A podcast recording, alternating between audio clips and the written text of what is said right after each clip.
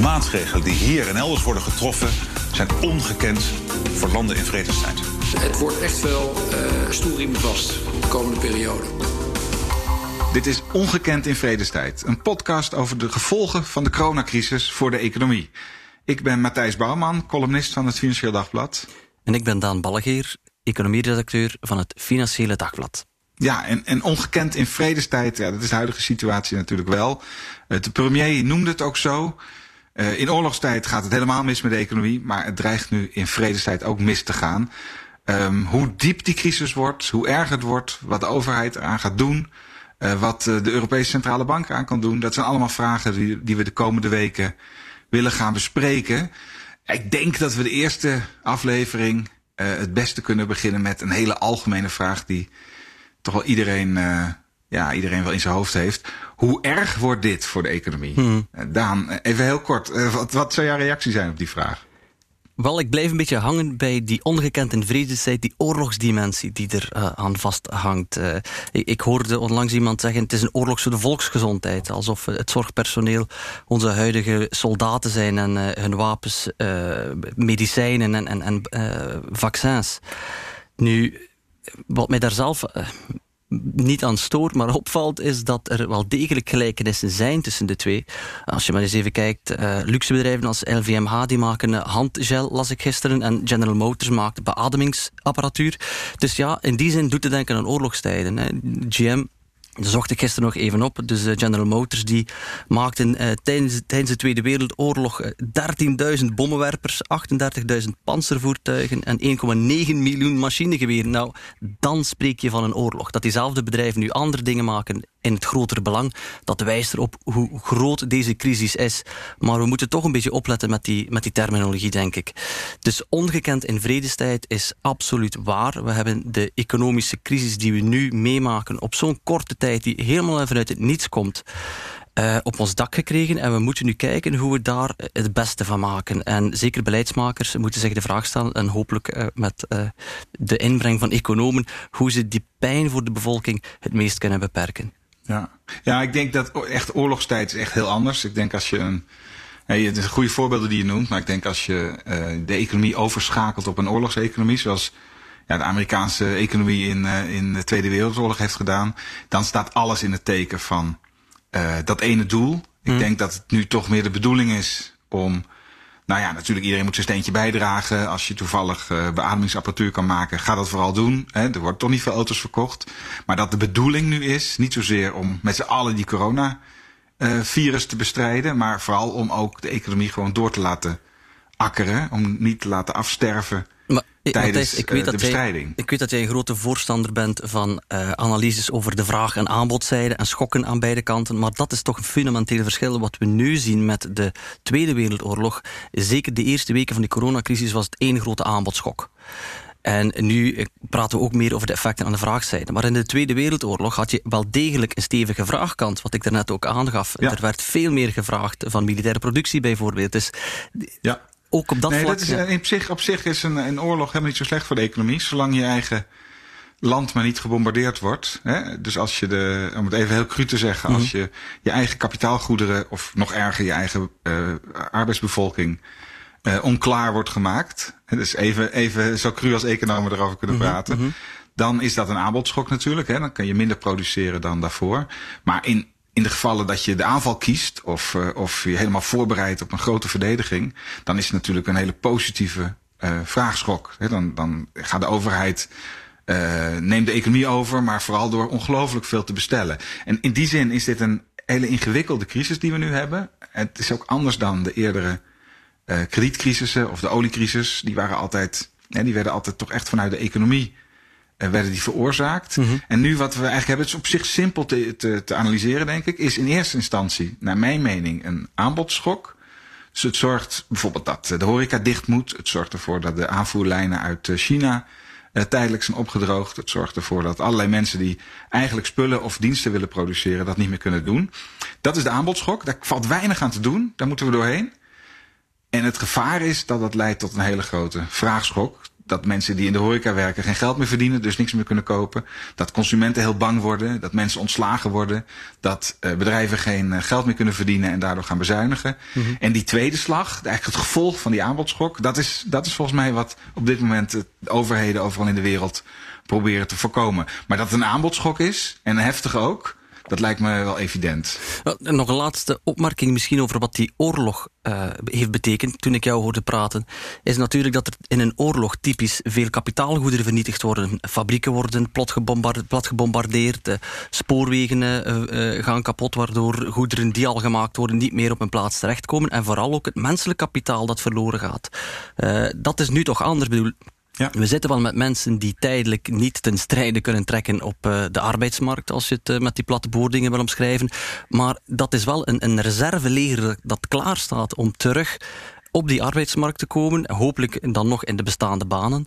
Maar ja, het is niet alsof er een enorme schade is toegebracht aan onze economische of, of menselijke infrastructuur. Nee, dat, ik denk dat, dat, dat je daar gelijk in hebt. Op zich gaat er natuurlijk in de economie niks stuk.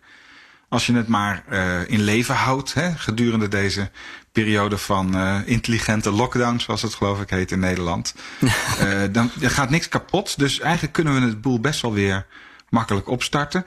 Maar er gaat natuurlijk wel van alles kapot. In een wereld waarin je de tijd stil kunt zetten, dan, dan, dan, dan zou dat makkelijk lukken. Mm -hmm. Maar ondertussen, ja, mensen moeten wel hun schulden betalen, hun rentes betalen, hun huur betalen in veel gevallen. Uh, bedrijven hebben gewoon heel veel kosten die wel doorlopen, ook al zijn de omzetten even ge, ge bevroren. Uh, en, dat, en dat betekent dat er wel veel kapot gaan, kan gaan. En zo probeer ik ook na te denken over dat enorme pakket wat de overheden wereldwijd, maar ook zeker in Nederland, nu over de economie uitstorten.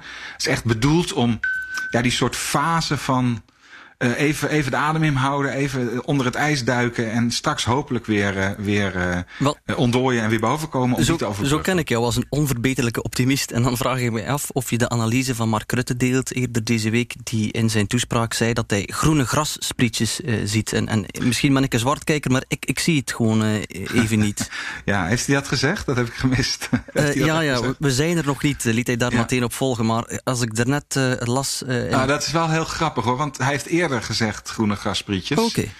Uh, dat heeft hij namelijk, hè, dat was een beetje de green sprouts waar mm. ooit Alan Greenspan van de Fed uh, over begon. Aan het, uh, in, in de loop van de, van de Amerikaanse kredietcrisis. En, en Mark Rutte heeft ooit in 2013 in een interview op tv gezegd dat hij de groene waas zag. En toen zag je dus zo'n idee van de, de, de, de, de economie was op zijn dieptepunt. En hij zei toen, ik zie in de verte de groene waas. Zoiets van op een dorre akker al de eerste sprietjes inderdaad zien. Mm. Nou, ik heb daar toen de tijd een column over geschreven. Die heette De Groene Dwaas. Uh, vond ik zelf heel grappig. Maar als je terugkijkt, was hij de enige die echt het dieptepunt van de crisis timede. En uh, aan het eind van het jaar ging het ook gewoon weer beter in Nederland. Dat was puur toeval, hè, maar toeval telt ook. Als je toevallig gelijk hebt, mag je het ook meetellen. Dus ik vind het wel grappig dat hij het nu terugpakt op die, op die oude uh, vergelijking okay. met, met uh, de natuur en de lente. Ik vind in elk geval wel vrij belachelijk om nu al te zien dat het weer beter gaat in de economie, nou. als hij dat bedoelde. Want het gaat nog niet eens slecht in de economie. We moeten eigenlijk die hele, die hele neergang moeten we volgens mij nog meemaken. He, eigenlijk is, het, is er nu nog niks aan de hand, toch? Nee, ik zag deze ochtend ook uh, een, in de krant dat de VNO-NCW schat dat de komende weken tot 150.000 bedrijven zich uh, zullen melden voor die werktijdsverkortingsregeling. Uh, als je dat kan scrabbelen, dan dat woord, dan ben je meteen uit. En, en het FNV dat daar tegenover zet dat er misschien 100.000 Nederlanders een baan ja. zullen zijn kwijtgeraakt. dat vond ik toch, twee, die combinatie van die twee cijfers vond ik best wel deprimerend. Ja, nee, dat is, het is natuurlijk ook een schok omlaag die, die in die zin is het echt ongekend, die we nooit eerder hebben gezien. Het is heel anders dan in 2008, 2009, toen de economie ook een soort sudden stop meemaakte. Maar daar gingen toch een aantal maanden overheen.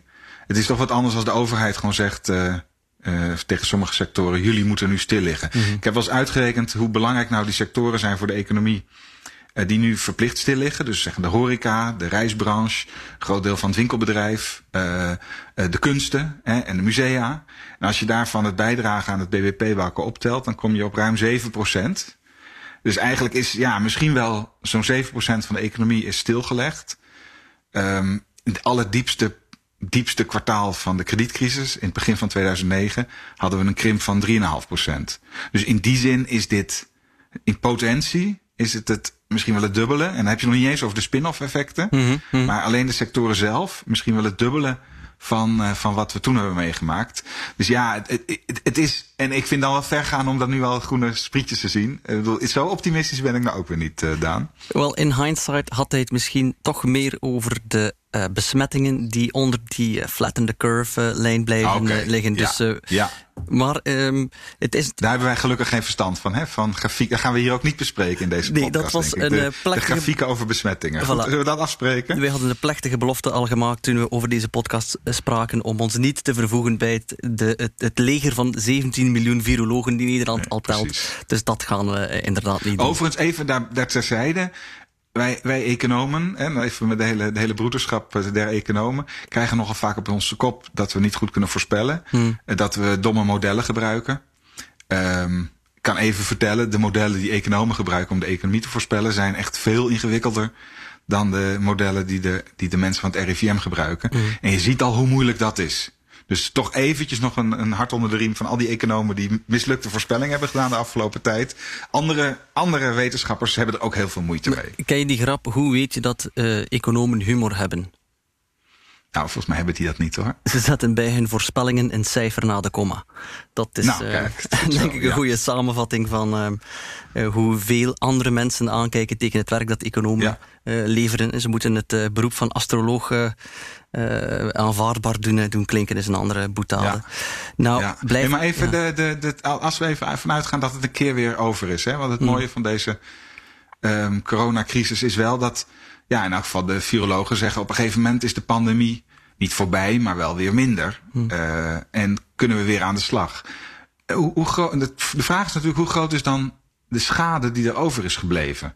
En er zijn mensen die zeggen het zou wel eens een, een, een soort V-vormig herstel kunnen zijn. Het, het knalt naar beneden.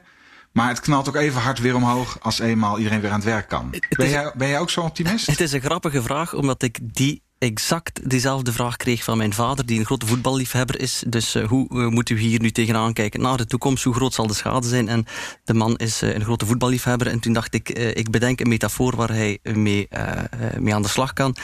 Matthijs, je hebt mij ooit eens verteld dat jij in je jongere jaren een, een lichtvoetige linkshalf was. Ja? Ja, niet heel Ja. lichtvoetig. Ja, maar nou, goed. al- Als je aan het dribbelen was en je had drie, drie mannen gepoord. En dan verloor je zonder jouw schuld die bal. En iemand trapte hem jou vol in de buik. Wat is jouw reactie? Nou, dan, dan lag ik te spartelen op de grond in de hoop op een rode kaart de tegenstander.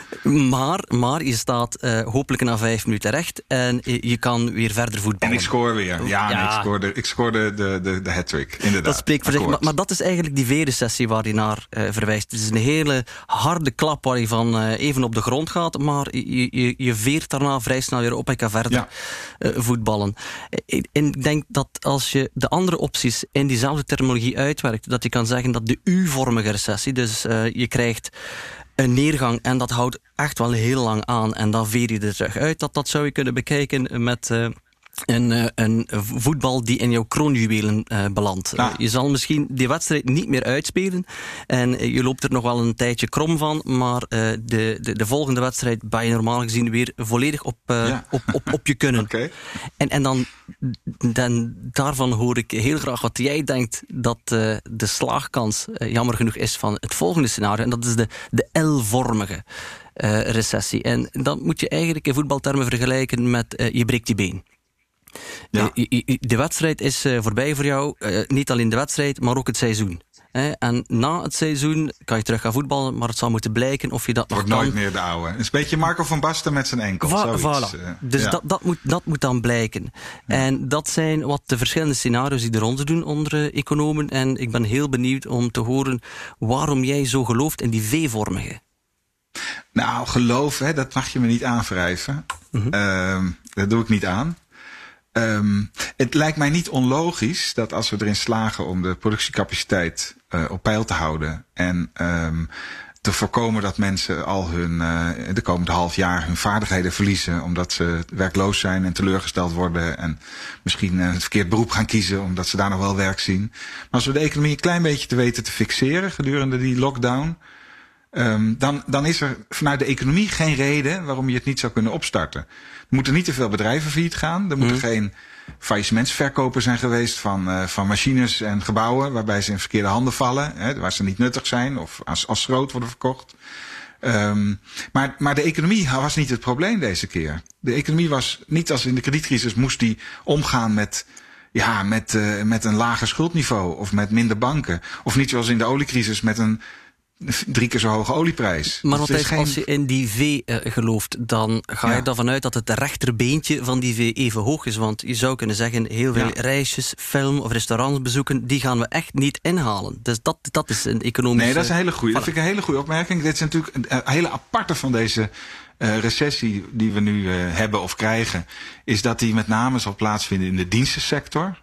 Hm. Daarom is hij ook voor opvallend genoeg, en normaal is dat altijd anders, voor, denk ik, voor uh, voor moderne economieën, voor post-industriële economieën zoals Nederland, maar zoals veel Europese landen, is die best zwaar. Want juist de dienstensector waar mensen elkaar ontmoeten, die moet misschien nog wel heel lang moet die op een andere manier zaken doen. Um, en, en ook het probleem met diensten is dat je ze niet kunt inhalen. Dus er komt geen inhaalvraag naar uh, naar bioscoopbezoek. Hm. Want ja, je gaat niet opeens drie keer op een dag naar de bioscoop omdat je een paar weken hebt moeten overslaan. Dus die, die, die, die, die, die vraag is verloren en die komt niet meer per se terug. Maar uiteindelijk meten we de economie natuurlijk gewoon naar hoeveel transacties zijn er, hoeveel toegevoegde waarde is er in een bepaald tijdsbestek. En dan kan het best zijn dat dus het tweede kwartaal verloren is. Dat mensen ook veel vermogen hebben verloren. Dat ze zich in de schulden hebben gestoken. Maar misschien het vierde kwartaal, als we gewoon weer naar de bioscoop gaan, we toch weer het oude niveau van het, uh, van het uh, bruto binnenlands product uh, te pakken hebben. Ja. Dat zijn stromen, zijn geen voorraden. Dus die stromen kunnen, als die op gang komen, dan hebben we ze weer. Ja, ik ga het even uh, anders of, of vertalen dan. Ik denk ja. misschien even anders vertalen dat de groeitempos dat die dezelfde blijven, omdat er structureel ja. niks kapot gegaan is. Uh, dat is denk ik, als ik het goed begrijp, wat, uh, wat u er verder ja, ook het niveau van Ook het niveau van het, van het bruto binnenlands product. Want dat is ook een grootheid die alleen maar meet hoeveel er in een bepaalde tijdsperiode, bijvoorbeeld een kwartaal, door de handen is gegaan ik, ik kan me best voorstellen dat er heel veel vermogens zijn verdampt. Dus dat mm -hmm. mensen, als je kijkt naar hun spaargeld, veel minder hebben. Dat bedrijven hun buffers hebben opgebruikt. Dat banken ook door hun buffers heen zijn. En dat er schuldproblemen zijn. Maar het, ik zie niet geen reden waarom een fabriek die er gewoon nog staat. Uh, die emmers maakt. En mensen die nog steeds met een emmer water naar de tuin willen brengen. Dat die elkaar niet meer zouden kunnen uh, treffen. Mm -hmm. als, als de coronacrisis uh, voorbij is. Dat is best wel ik begrijp best wel dat er heel veel uh, collateral damage zal plaatsvinden. En we kunnen het niet zo goed managen. Maar ik denk wel dat het het doel moet zijn om toch deze periode te zien als adem inhouden, niet doodgaan, ja. niet stikken. En daarna weer ademhalen en weer verder gaan met, met ja, misschien wel wat schade aan vermogen, maar niet zozeer schade aan de productiecapaciteit. Ik denk dat we ons ook niet mogen blind staren op uh, economische concepten. En dan bedoel ik vooral de terminologie, want uh, we definiëren een recessie als twee opeenvolgende kwartalen van negatieve economische groei. Maar zo beschouwd zal dit de kortste recessie zijn die technisch ja. mogelijk is. Twee kwartalen ja. na elkaar. Want de klap in dit uh, kwartaal uh, zal zo groot zijn dat het volgende kwartaal ja, wel beter moet zijn. Dus dan krijg je terug een positieve groei. En dan is die recessie zogezegd voorbij. Terwijl ja. het heel duidelijk ja. is dat die economie wel nog een hele tijd de, de klap zal moeten. Uh, nee, maar dat inderdaad, ik vind het ook een onzinnige definitie altijd. Een recessie is gewoon, een, voor mij betreft, een periode waarin de economie uh, minder presteert dan die zou kunnen en de werkloosheid oploopt. Uh, vaak gepaard gaan met begrotingsproblemen. En zo'n soort, zo'n soort huts, huts, hutspot van hmm. negatieve indicatoren, dat is voor mij een recessie. Overigens wel leuk. Wij, wij krijgen waarschijnlijk dit nou niet echt leuk, maar dit kwartaal dus uh, eindelijk weer eens een kwartaal met negatieve groei, met krimp van de hmm. economie. Ik heb wel eens zitten tellen hoe, hoe lang we nou eigenlijk al sinds de kredietcrisis en de eurocrisis uh, alleen maar groeikwartalen in Nederland hebben achter elkaar. En uh, het wordt dus 23 kwartalen. Hè, nu gaat het mis, maar inclusief het, uh, het eerste kwartaal wordt het waarschijnlijk 23 kwartalen achter elkaar economische groei in Nederland. En dat is niet zo vaak gebeurd. We hebben alleen in de, in de jaren 90 onder de Paarse kabinetten hebben we een langere periode gehad met aaneengesloten economische groei. Toen was het uh, 32 kwartalen achter elkaar. Dus het even voor, de, voor, voor iedereen die denkt van we hebben net een crisis gehad en nou donder alweer in de volgende crisis. Mm -hmm. We hebben eigenlijk de afgelopen jaren, we zijn heel chagrijnig geweest dus we hebben het niet gezien. Maar eigenlijk een hele mooie lange run gehad van, uh, van elk kwartaal weer economische groei. Niet heel hoog, maar wel heel, heel erg ja, gestaag. Zeker in het begin was het een heel onbeminnelijke economisch uh, aanwas. Want heel veel mensen voelden het niet. En dan bleef de nee. eurocrisis erboven zweven. En ook op de beurs hebben heel veel mensen die trein gemist. En zijn pas vrij laat ingestapt. Dus ik begrijp wat je, wat je zegt. Wat ik mij afvraag, hoe denk jij dat het was gelopen? De geschiedenis verraadt haar alternatieve paden niet, maar hoe denk jij dat het was gelopen als deze crisis er niet was geweest? Hadden we dan ja. vrij snel tegen een recessie aangekeken? Het is, het is wat praat na de vaak, maar ik ben ja. wel benieuwd wat je dacht. Nou, het is, het is wel goed om, dat ik vind het een goede vraag, omdat we dan even stiekem kunnen praten over hoe Nederland er eigenlijk voor stond mm. uh, voordat al deze ellende begon. Um, en dat is natuurlijk belangrijk om te weten, om te zien hoe we om kunnen gaan met, uh, met die crisis. Want als je er heel goed voor staat, dan kun je ook wel wat hebben. En het was, eerlijk gezegd, stond Nederland er wel absurd goed voor. Uh, er zijn vast allemaal problemen in de maatschappij en in de economie. En uh, of we wel of niet snel genoeg 5G uitrollen, weet ik veel wat. Maar gewoon kijkend naar de harde indicatoren. En zoals Klaas Knot, de president van de Nederlandse Bank, een paar weken geleden nog zei, voor de coronacrisis. Uh, ik geef de Nederlandse economie een 9. Mm -hmm. Nou, dat was wel terecht. Hè? We hebben nu uh, onlangs nog het laatste werkloosheidscijfer gekregen voor januari. En de werkloosheid in Nederland stond op 2,9 procent. Ja, dat heb ik nog nooit gezien. En dat is in het heel de Europese Unie is alleen is Tsjechië doet het nog beter. We hadden een begrotingstekort wat uh, al jarenlang een overschot was. We hadden een staatsschuld die sneller daalde dan de minister wilde, want hij kreeg zijn geld niet eens op. En een economische groei die vergeleken met onze buurlanden heel gestaag en heel degelijk was. En ook nog eens een keer als je kijkt naar alle zeg maar, uh, uh, lijstjes, hè, alle concurrentielijstjes en innovatielijstjes, staat Nederland gewoon elke keer in de top 5. Dus stonden er veel beter voor dan alle chagrijnen, observ observanten dachten. Um, daardoor kunnen we denk ik ook best wel wat aan. De werkloosheid mag best een beetje oplopen. Het was absurd krap geworden op de arbeidsmarkt. Maar ja, de, de dolheid die we de komende maanden gaan meemaken, zal, zal al, die, al het goede nieuws natuurlijk wel weer wel helemaal doen vergeten. Want het wordt veel, veel heftiger dan elke recessie die we voorheen hebben gezien. Ja, want ik denk zelf, uh, we zullen de toekomst moet het uitwijzen hoor. Maar ik denk zelf dat we heel veel moeite zullen hebben om terug uh, aan te knopen bij, bij de groeitempos van voor de crisis. Uh, omdat er, hoe langer dit duurt, hoe meer bedrijven die in de basis toch solide zijn, het moeilijk zullen krijgen, misschien zullen omvallen. Uh, dat ja. betekent dat veel kennis verloren gaat. ook banen gaan op de schop, ondanks een krapte op de arbeidsmarkt. Want er moet nog altijd wel een match zijn tussen wat die andere bedrijven ja. vragen en wat die mensen die uitvallen kunnen. En bovendien mensen die, die werk verliezen, schroeven typisch hun uitgaven terug. Dus we moeten ook nog zien of dat aan die vraag vraagkant dat wel overeind blijft om die economie terug op gang te trekken. En maar ben je echt zo negatief? Want doe eens even een schatting. Ze hebben in 2021 nog steeds een. Laten we even ervan uitgaan. Het, een van de mildere uh, scenario's van het Centraal Planbureau. Hè, die kwamen afgelopen week met. Mm -hmm. uh, vorige week was het met vier, uh, vier economische scenario's. Nou, die zeggen op een gegeven moment. stel je nou eens voor dat zo'n soort lockdown, min of meer lockdown, zes maanden duurt. En dan krijg je een paar procent krimp in, uh, in uh, misschien wel de diepste recessie ooit in 2020. Maar zeg ze in 2021 kan de boel dan toch wel weer uh, echt gaan groeien. Daar ben jij het dus niet mee eens. Ik denk dat de Nederlandse economie er uitstekend voor staat. Je schetst het daarnet heel goed wat de pluspunten eraan zijn. Maar vergeet ook niet dat Nederland een heel open economie is. En uh, heel afhankelijk is van wat in de rest van de eurozone gebeurt. Uh, bij uitbreiding de rest van de wereld. En daar zien we toch dat overheden er veel minder goed bij zaten dan die van Nederland. En dat probleem van Italië is al meermaals natuurlijk aan bod gekomen. Maar ook andere landen. Kijk naar België. Dat meer dan 100% aan schuldgraad heeft. En ongelooflijk maar waar deze week zevenjaarsobligaties uit kon uh, geven voor uh, iets van een 8 miljard aan een nulrente. Dus uh, dat is okay. op dit moment nog altijd opmerkelijk, omdat we schrijven heel vaak, of we spreken heel vaak over beleggers die angstig zijn en die zich overal vragen bij stellen, maar dat blijft toch blijkbaar beperkt tot een aantal landen toch. Maar daarnaast zijn er natuurlijk ook bedrijven die het heel lastig gehad hebben.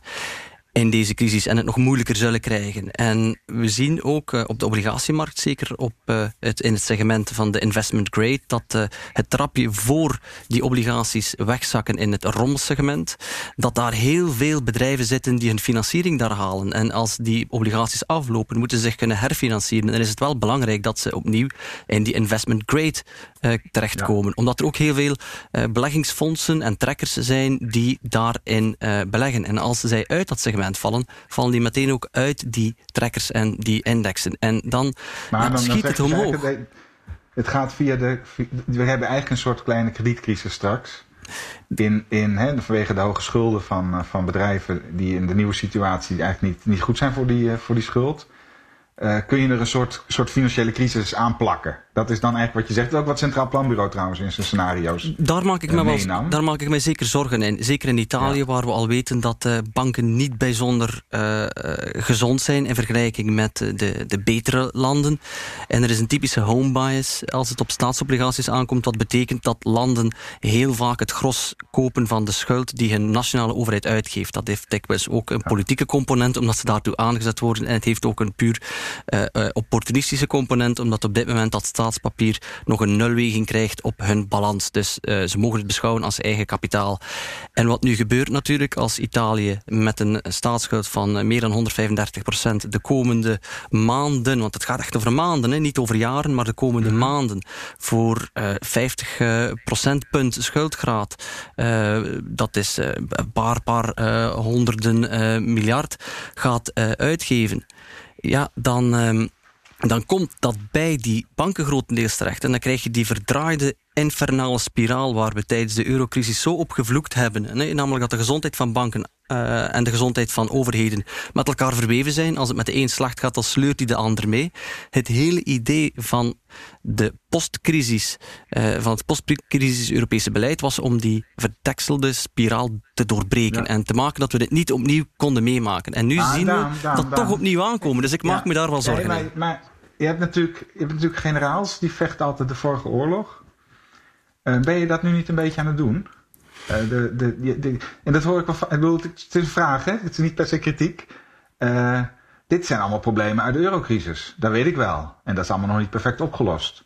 Maar we hebben altijd de neiging om, om, om meteen weer de problemen uit de vorige oorlog te zien. Terwijl er een, een nieuwe oorlog is. En deze nieuwe oorlog heeft ook een, ja, een duidelijke generaal, namelijk de Europese Centrale Bank. Die al die problemen die jij noemt natuurlijk gewoon op korte termijn met het toverstokje van de geldgroei kan, uh, kan, kan weg, uh, wegtoveren. Wel, of niet?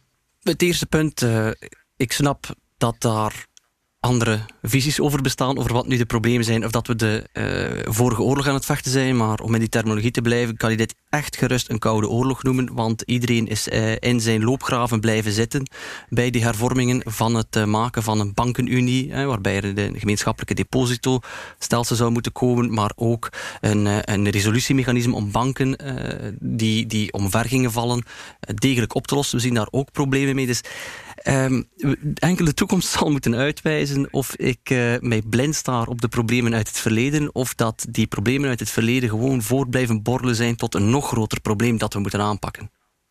Oké, okay, en dan de ECB. Want de ECB heeft natuurlijk de afgelopen week, uh, of afgelopen twee weken, uh, Italië weer eens gered, uit de wind gehouden. Door te zeggen, we gaan niet alleen hmm. staatsobligaties opkopen van alle eurolanden, maar dit keer gaan we ook nog eens in ons nieuwe opkoopprogramma ons pandemic uh, opkoopprogramma mm -hmm. gaan we ook nog eens een keer desnoods gewoon alleen maar Italiaanse staatsschuld kopen.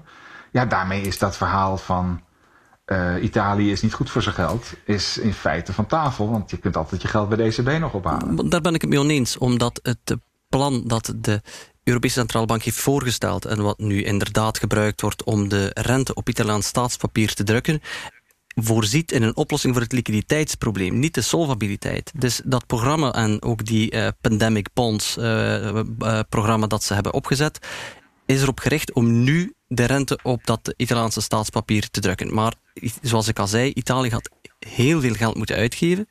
En moeten ophalen, sorry, bij de uh, beleggers.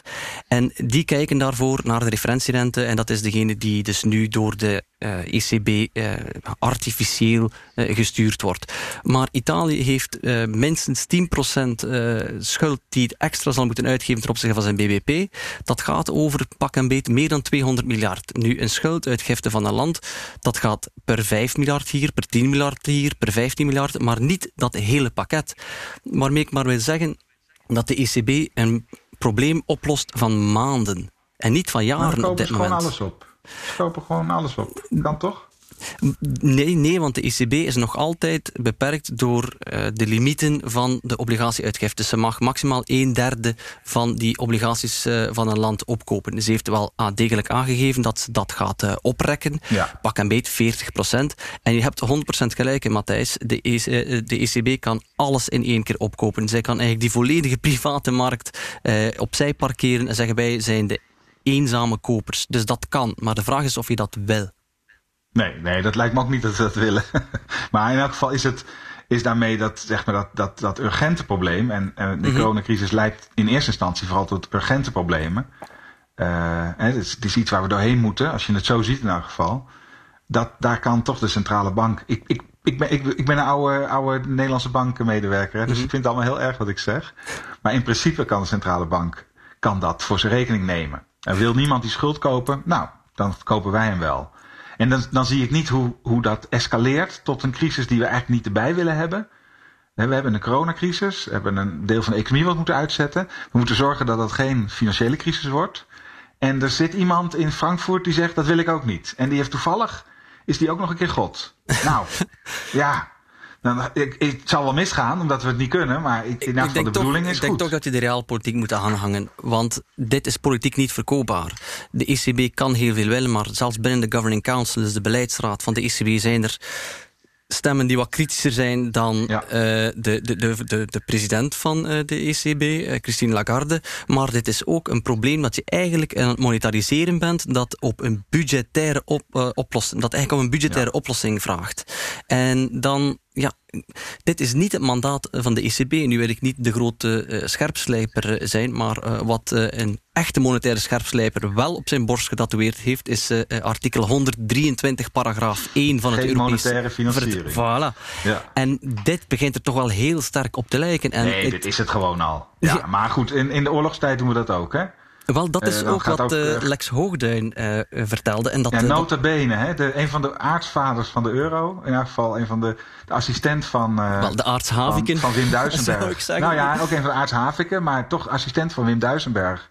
De, de tweede man van Wim Duisenberg tijdens de eerste jaren mm -hmm. van de Europese Centrale Bank. Um, een harde, harde lijn-econoom.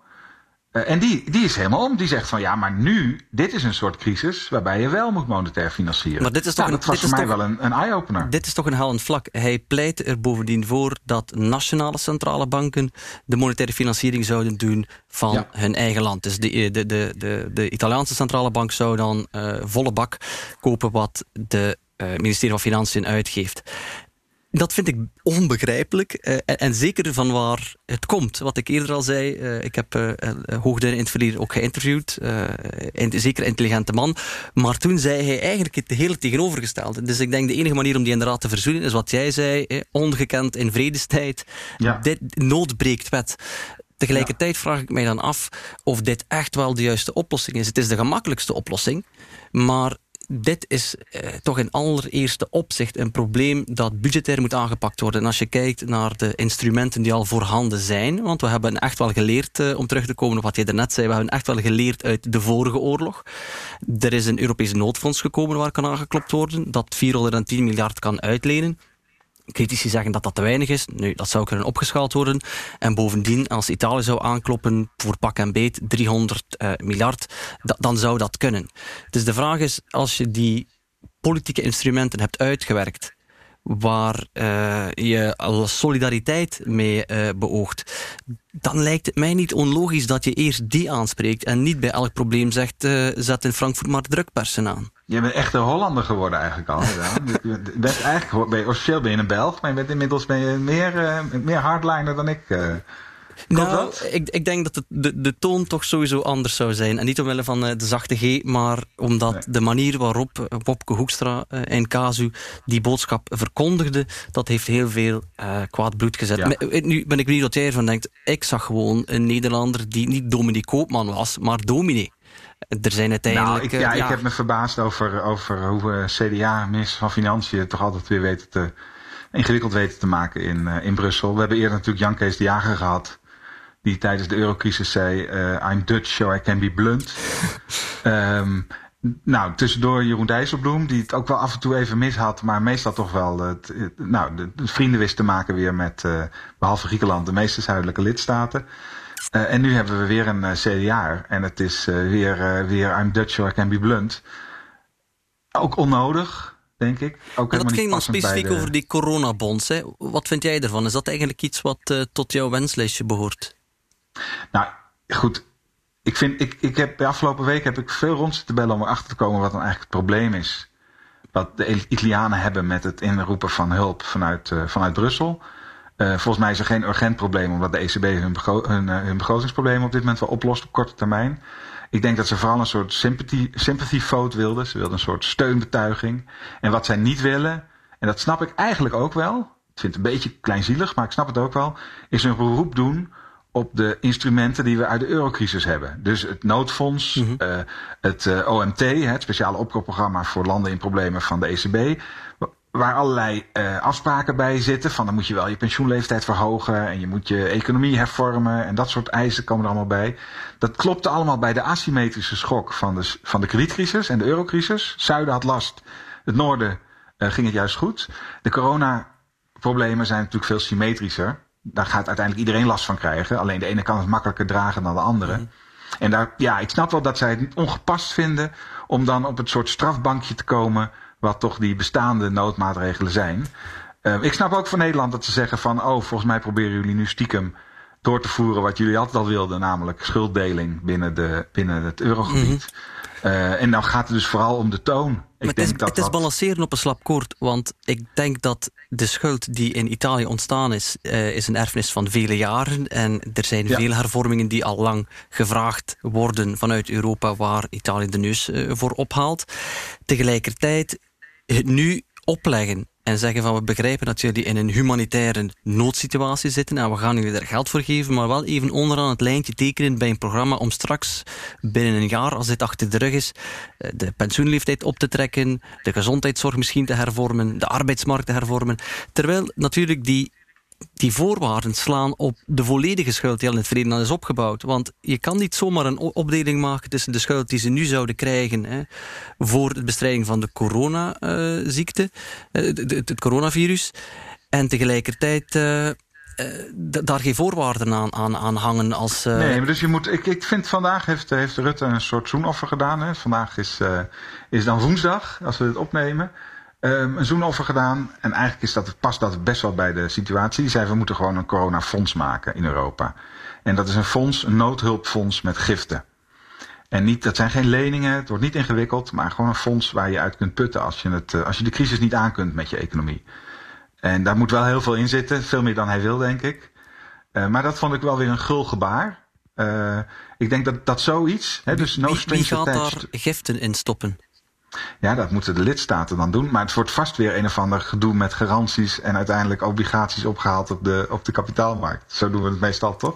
Ja, is het niet een typisch uh, probleem ook van, uh, van moral hazard uh, en adverse selection? Dat, dat bij moral hazard, die, die economische term van mensen die zich verzekerd weten, gaan zich anders gedragen. Als je nu zegt, je kan bij het noodfonds aankloppen voor, heel, e, voor, voor een, een stevige bak geld en we hangen er geen voorwaarden aan vast, ja, wat voor signaal geef je? En nee, maar dat geldt dus nu niet. Hè? Dit zou precies, ik zou als Italiaan nu boos op jou worden. Want dat geldt dus nu niet. Moral hazard, gooi maar uit het raam. Er, er, zijn nu even wat andere problemen op te lossen. In oorlogstijd doen we ook niet aan moral hazard. Mm -hmm. Dan gaan we gewoon uh, met, de, met de tank eroverheen. En, en uh, het gaat vast allerlei vervelende nadelen hebben als we nu elkaar helpen. Maar als een land echt in de problemen komt vanwege dit virus, dan uh, maakt het allemaal even niet uit. En dat is het gevoel wat in elk geval de Italianen misten in de warme woorden van, uh, van Wopke Hoekstra. Uh, waar hij nog behoorlijk spijt van had krijgen de komende als, tijd. Als ik het voorstel hoorde wat Rutte er net had geplukt, wat je uitlegde, dat lijkt toch met een ander probleem uit de, de economische, uit het economisch jargon adverse selection te zijn. Want welke landen zullen er giften willen stoppen in dat fonds en wie zal daar beroep willen op doen? Een land als als, uh, als Italië of Spanje gaat er zelf geen geld uh, in stoppen, omdat ze zelf een te grote geldnood hebben. Terwijl een land als Nederland er waarschijnlijk geen geld wil in stoppen, omdat ze er nooit beroep zullen op doen. Want Nederland nou, heeft ja, dan is het dus voorbij. Dan hebben we dus geen, uh, geen Europese Unie. Als het niet uiteindelijk gaat om elkaar te hulp te schieten als het nodig is. Dat zeg ik niet als econoom, maar als sentimentele 50 dan, dan houdt het op. Ja, ik denk dat we toch even weg moeten uit Europa nu en terug naar de hoofdvraag. Hoe erg gaat dit worden? En dan vooral voor Nederland. We lopen aan het, einde van, uh, van de podcast. Ja, Daan, zeg eens, geef eens een kleur. Geen cijfers, maar een kleur aan, aan deze nou ja, depressie, recessie. Wat staat ons te wachten? We moeten in ons hoofd in elk geval een rooskleurig beeld hebben. Uh, zoals uh, ik denk uh, Theodore Roosevelt zei. Nee, Franklin Delano Roosevelt. we moeten niets vrezen behalve de angst zelf. In die zin mogen we niet meegaan in een, een pandemisch scenario in ons hoofd. En ik weet dat ik deze podcast met momenten wat negatief klonk. Maar we moeten blijven geloven dat dit opgelost geraakt. We zitten met heel veel troeven in de Nederlandse economie. Laten we dat absoluut niet vergeten. Een goede infrastructuur heel veel goed opgeleide mensen, uh, een goede arbeidscultuur, uh, misschien iets te veel met dat dominee zwaaiend vingertje in Europa op dit moment. Maar we hebben eigenlijk heel veel om hierna toch er weer sterk uit te komen. We kunnen wel niet ontkennen natuurlijk dat dit een klap zal betekenen en we moeten zien wat het uh, ja, zal, zal betekenen voor, voor pensioenen bijvoorbeeld. Maar dat zijn allemaal onderwerpen waar we misschien in de toekomst nog kunnen op, op doorgaan. ja, maar even nog toch iets exacter. Wordt het, wordt het erger dat de kredietcrisis, eurocrisis of net zoiets? Ik denk dat het minder erg wordt, omdat die uh, eurocrisis en, en zeker de kredietcrisis toch ja, maanden en, en zelfs jaren duurde om opgelost te geraken, omdat het over systemische problemen ging. Terwijl dit is toch echt een, ja, een exogene schok. Het, het raakt ons allemaal, maar wel heel hard. Een van de dingen die wel kunnen veranderen, denk ik, is de manier waarop ondernemingen zich organiseren en wat ze zelf doen, uitbesteden en wat ze waar doen. Misschien dat ze dat toch wel in vraag beginnen stellen. Toch denk ik dat dat ook uh, zal meevallen, want zeker in de groeilanden, er zitten daar zoveel consumenten. Een autoconstructeur gaat echt niet hier of in Amerika al zijn auto's maken als er in uh, China en India gezamenlijk een markt van uh, 2,5 miljard mensen is. Dus dat, ja. dat, echt zo groot zal ik het toch ook niet veranderd zien. Oké, okay, nou dat, dat, valt me dan toch weer mee, want het was wat, wat negatiever in het begin, maar dat is, dat is mooi. Uh, roze bril doe ik toch die even af. Ik denk zelf dat het, uh, de diepte van die, van die crisis echt wel nou, dieper rood wordt dan, uh, dan de ergste kwartalen in, in 2009 of in 2012. Dus echt met percentages die we nog nooit gezien hebben. Van, weet ik veel, in één keer viervoudiging, vijfvoudiging van de werkloosheid. Mm -hmm. Dat soort dingen kunnen gewoon, denk ik wel, gebeuren. Uh, maar ja, wat wij niet weten is hoe die, hoe die, uh, die virus zich natuurlijk gaat gedragen. Of er een tweede of derde of vierde ronde komt. Maar als dat allemaal niet gebeurt, dan denk ik eerlijk gezegd dat we er met een beetje goed beleid ook wel snel weer, niet bovenop kunnen zijn, maar snel weer, uh, sneller naar van in het verleden, het weer, weer boven Jan zijn en, en weer beginnen serieus te groeien. Hmm. Uh, wordt wel een soort trauma, denk ik. Maar misschien, misschien, nou, misschien wel wat minder heftig dan, dan de vorige crisis. Ik, ik sta ervan te kijken dat dat misschien wel even onze tussenconclusie wordt, uh, Daan. Matthijs, heb je ook nog iets, iets leuks gevonden voor we afsluiten? Want we hebben toch heel veel miserie over onze luisteraars uitgestort. Waar uh, kunnen ze zich gaan ophalen om met een, een, een, een, blij gemoed hartje de rest van de dag uit te zitten? Ja, dat ga ik proberen elke week te doen. even toch nog eindigen met iets iets positiefs, iets optimistisch. Um, ik kom dan bij een actie hier in mijn eigen omgeving. Ik woon in West-Friesland, in de buurt van Hoorn. Uh, in uh, nou, zo'n uithoekje van Noord-Holland. Um, en daar zijn ondernemers die natuurlijk ook een stuk minder te doen hebben. Die zijn een, uh, wel een hele aardige actie begonnen. Doneereenmondkapje.nl. Even reclame voor maken. en dan kun je geld geven. En dan zorgen zij dat de mondkapjes naar, naar, de, naar de ziekenhuizen komen. Dus die zetten hun hele netwerk in om in elk geval zoiets positiefs bij te dragen. Ze hebben al een half miljoen opgehaald. En uh, een mondkapje kost uh, 1,50 euro. Dus dat gaat alle goede kant op. Maar ik vond het wel een, uh, niet een actie van moet je kijken wat ze nu doen, maar toch wel een betere besteding van de tijd dan Netflixen. Oké. Luisteraars die denken, daar wil ik op inpikken, of dat wil ik eigenlijk wel eens beantwoord zien, die kunnen ons altijd bereiken op ongekend in vredestijd.fd.nl. We horen graag van jullie. Ja, bedankt voor het luisteren.